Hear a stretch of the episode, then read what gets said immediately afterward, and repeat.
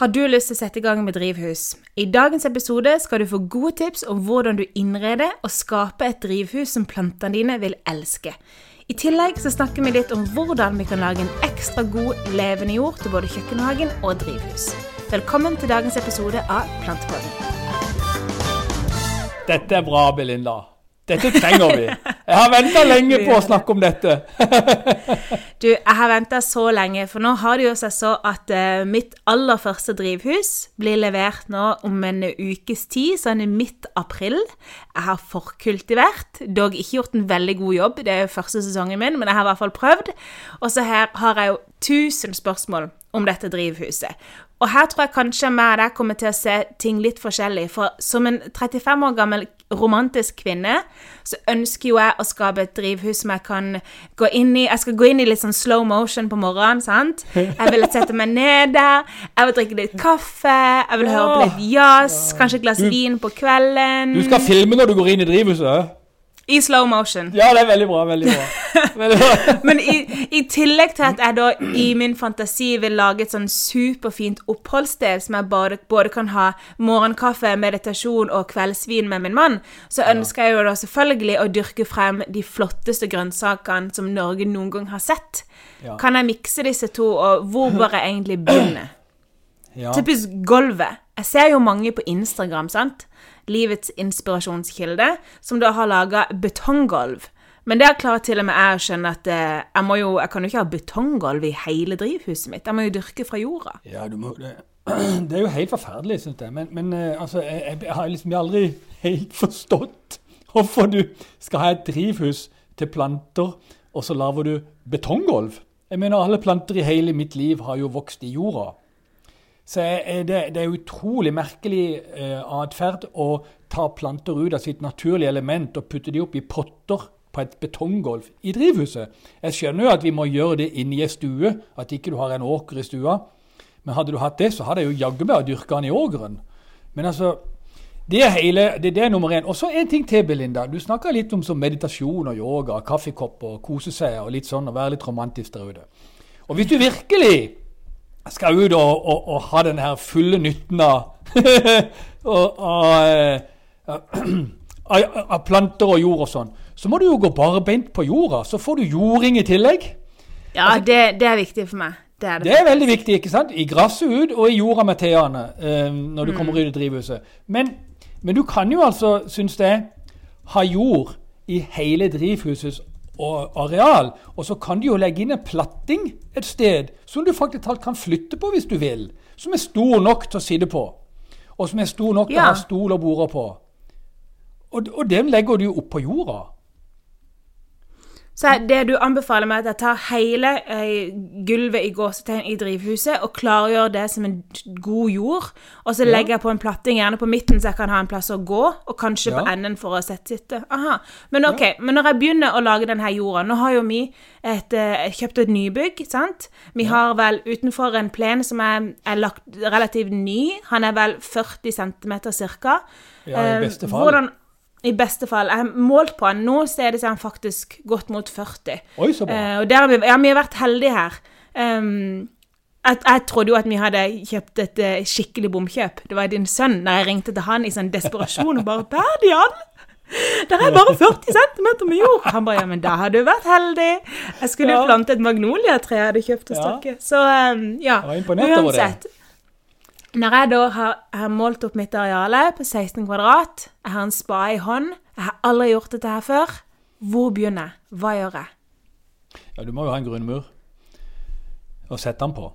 Enten i form av noen kraftige trebjelker eller betong eller noen leker som du murer opp. Men det, okay. det er jo klart at det kommer litt an på hvor høyt dette drivhuset er. Hvis ikke det er så veldig høyt, uh, at du har en såkalt raft, rafta, er jo der som veggen møter taket. Så hvis den høyden ikke er liksom høyere enn skuldrene dine, så kan du med fordel senke gulvet i drivhuset. Sånn at du får mer høyde til tomater og agurker når de skal vokse.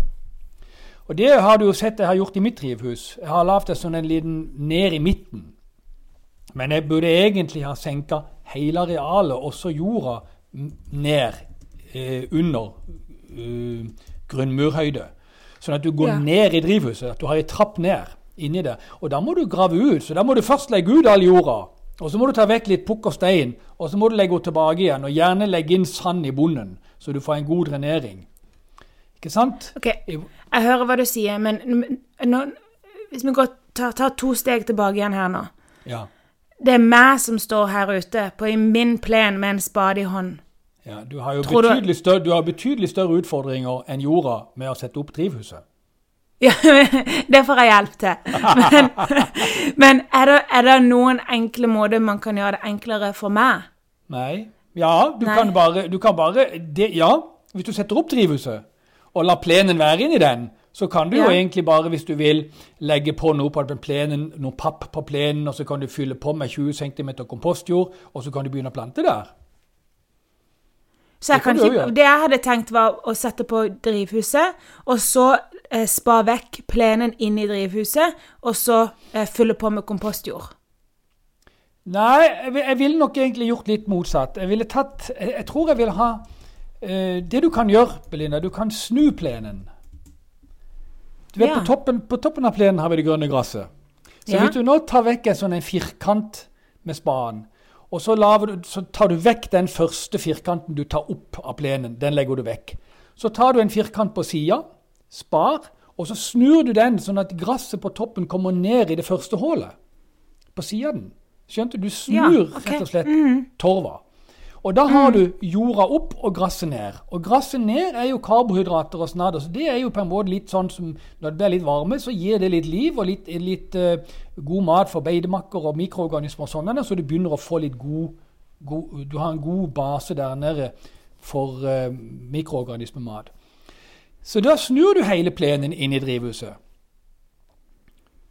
Yes, ok. Det jeg, dette er noe som jeg kan eh, Dette er noe jeg, ser for meg at jeg kommer til å gjøre, ja. Jeg Ja, bygger en liten grunnmur til drivhuset. For jeg får hjelp til, til å montere dette og sette det opp. Og så Ja. snur jeg rett og slett plenen inni der, og så fyller Ja. jeg på med god kompostjord.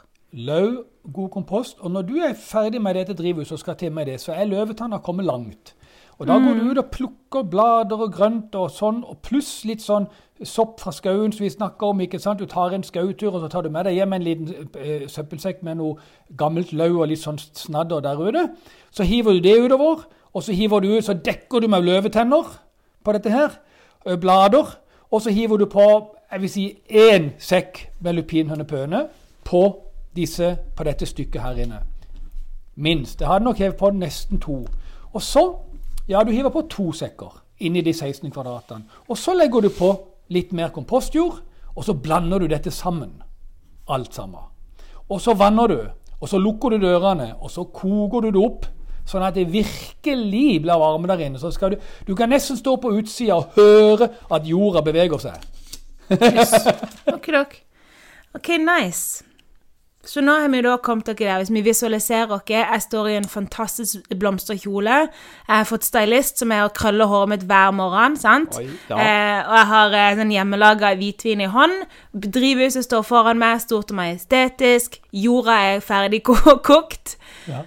Hvor begynner jeg nå for å innrede og skape et drivhus som plantene mine og meg kan stortrives i? Hva er neste steg? Nei, altså Neste steget er jo da å legge inn trammer, steder du skal gå.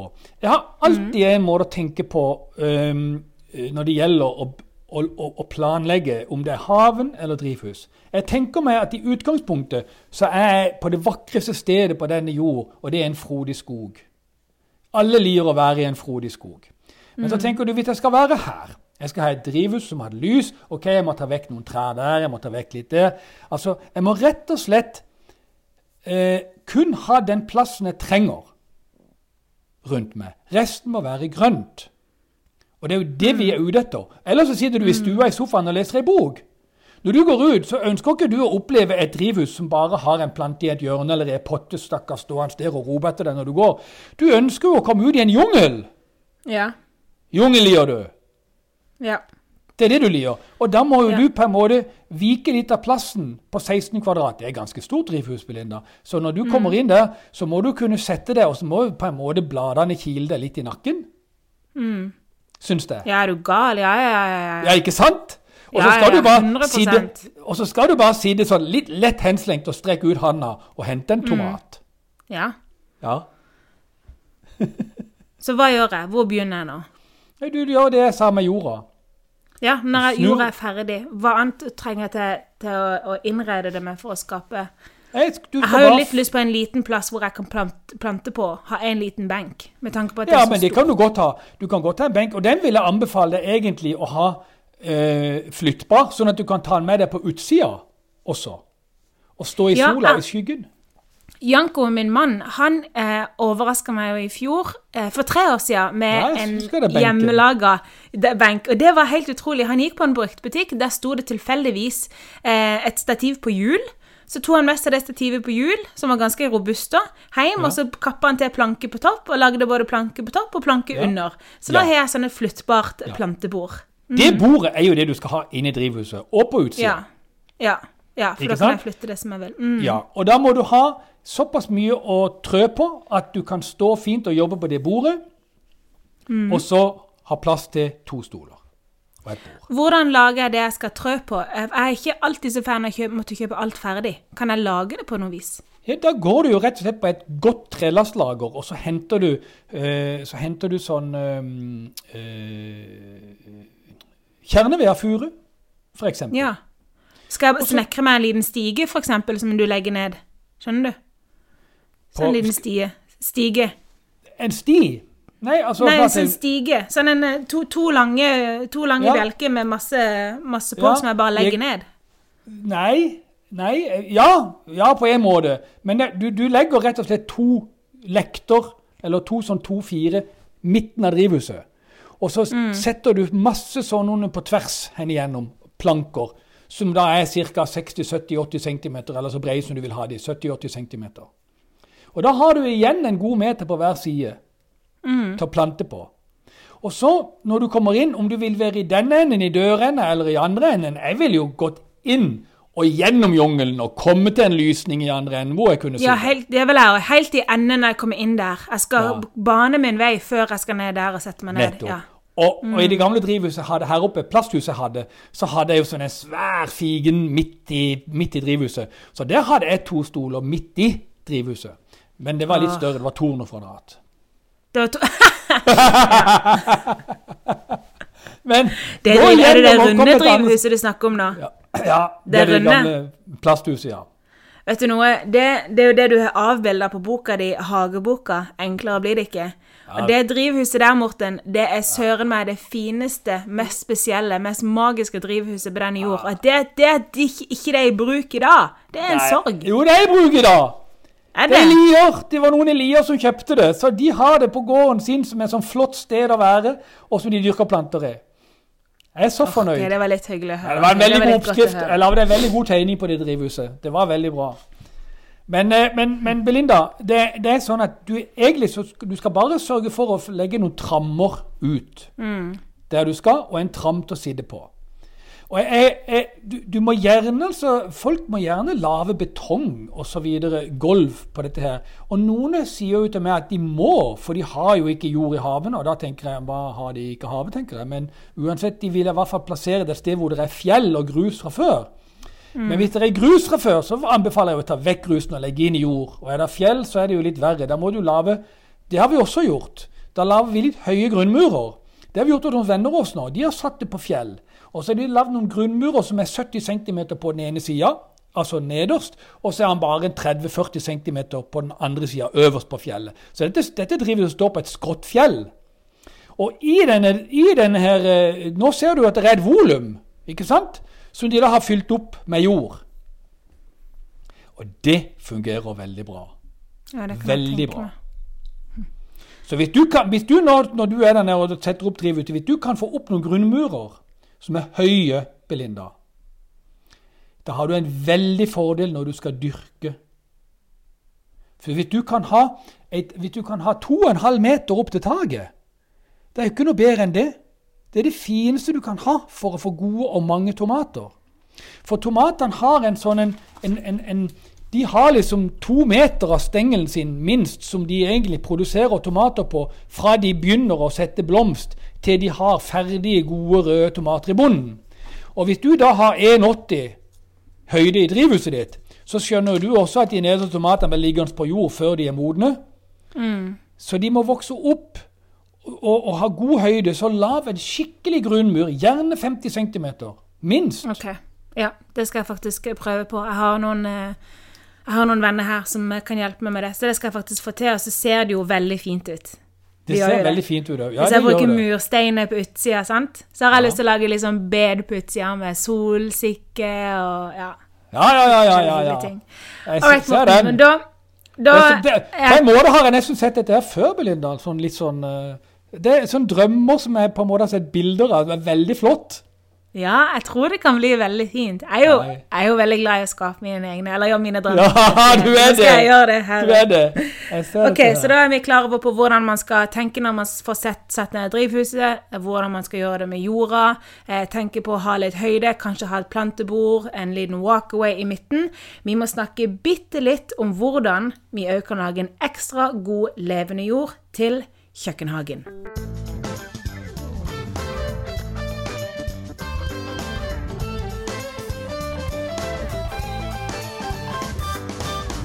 Kjøkkenhagen, Morten. Hvordan er det egentlig man lager en god, ekstra god levende jord til kjøkkenhagen? Ja, det er egentlig litt sånn som jeg forklarte inne i drivhuset. Men i tillegg til det, så kan vi gjøre det på et par andre måter, syns jeg. For du har litt mer plass å gå på i høyden og, og sånn ute. Så veldig mange ser jo på, på en måte å gjøre det på, og de det sånn, de følger en sånn en eh, tag som heter no dig og, og alt dette her. Og, og um, det, det, det, det, dette er egentlig veldig bra metoder å gjøre det på. Det er veldig fint å legge ut papp opp på plenen, og så legge på jord oppå der. Eh, Du har, en, du har en, eh, en, De første året i hvert fall, så har man da en litt større fare for at det tørker raskere ut enn om du hadde snudd jorda. Og altså, Charles Doding kjenner jeg. Og jeg har eh, diskutert veldig mye med han og hans metoder. Og, og vi er skjønt enige i det at eh, eh, veldig mye av det vi gjør og snakker om på nettet, har å gjøre med at det skal være lettvint for folk. Ikke sant? Folk må komme lett inn. Det må være greit innsteg. Man må komme i gang med dette på en enkel måte. Og da legger man ut papp, og så legger man på jord. Det er ingen, det er ingen som eh, eh, Og jeg har jo vært veldig motstander av pløye siden 90-tallet. Og på alle våre jorder og enger og beiter så hadde vi jo aldri pløying. Jeg hadde jo, jeg hadde jo enga mi stående i elleve år før jeg la om. Og det er jo utrolig lenge. De fleste legger om etter to år. Sånn at eh, jeg har eh, helt klart en, en eh, Jeg kan veldig gjerne forstyrre jorda det første året når jeg setter i gang. Akkurat som jeg gjorde min egen kjøkkenhave. Så forstyrrer jeg jorda. Jeg har gjort begge deler der. Jeg har lagt ut papp, og jeg har snudd jorda. Og jeg ser ganske stor forskjell på de to stedene med hensyn til tørke og plantetrivsel det første året.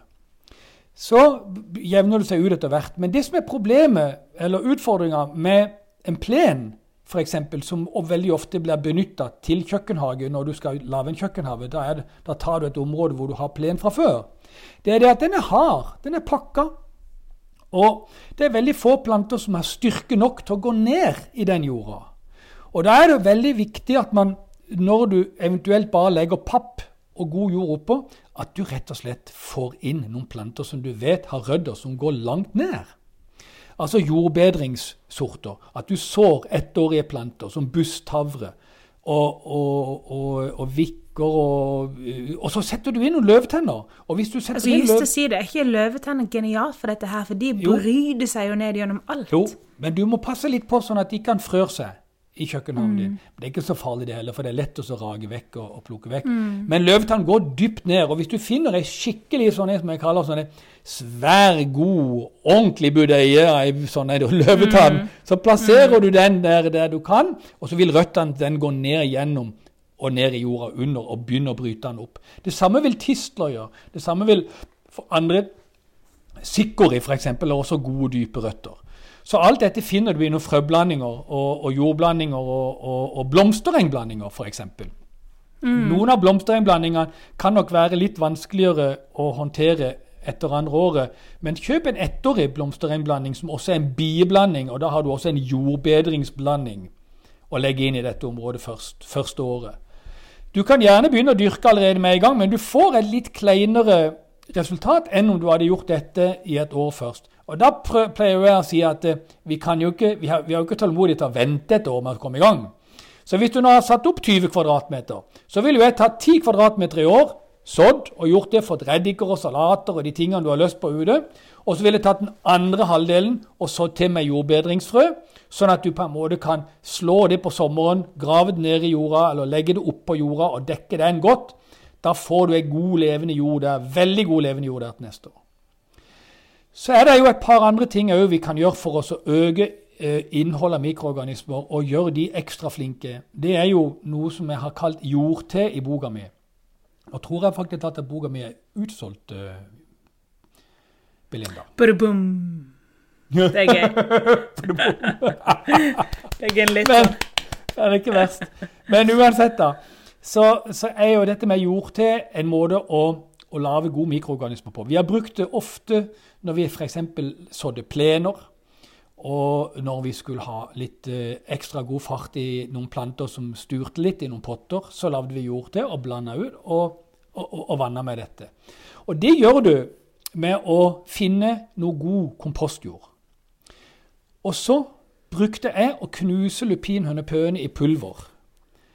Og så gikk jeg og henta løv og klippet det opp i småbeder og tok det i miksmasteren så det ble skikkelig skikkelig fin, fin kutta. Og det samme gjorde jeg med grønne blader av kløver og løvetann og sånne ting. Så, det, så jeg fikk en vanvittig sånn finfordelt småpartikler-blanding eh, som jeg la oppi sammen med jorda i en nylonstrømpe i ei svær bøtte vann på en 40-50 liter. Og den murebøtta som jeg hadde dette oppi, så, så, setter jeg i en sånn en kraftig oksygenator, sånn en eh, stein, luftstein, til akvariet. Og Folk har ofte spurt meg hvor stor pumpe du trenger, og jeg sier du trenger i hvert fall en pumpe som kan håndtere oksygenet til et 200 liters akvarie. Så bruker du den oppi der og setter steinen inn i bonden, gjerne to steiner, og full guffe på dette, så får du den lufta inn i vannet, og som på en måte får ut disse mikroorganismene, frøene og, og, og, sporene og alt som ikke frøene, sporer og alt som ligger inni det her du har hevet oppi. Og da får du fôringa av dette underveis. Du tar bare en del av det, en del av det, en del av det, og litt jord. I pose, oppi ei bøtte. Ikke vær så nøye med hvor mye av hver og sånn. Prøv deg litt frem. Men det er utrolig viktig at du har full guff på luftslangen hele tida. Og han skal ikke stå mer enn ett, maks to døgn før du bruker han. Så vanner du ut med det. Og det kan jeg love deg, det er snadder. Og det som er igjen oppi denne sekken, dvs. Si de soka bedene av grønt og brunt og lupinene pøne og kompost og de tingene der, det er snadder å grave ned i jorda. Denne bøtta nå yrer av små mikroorganismer, og det er bare å få vanna det ut på jorda. Og så kommer jo det viktigste av alt, dere. Det er jo ingen steder denne, på denne jord hvor plantene står i ei jord som ikke har noe oppå seg. Åpen jord er et åpent sår. Har sagt det noen ganger før.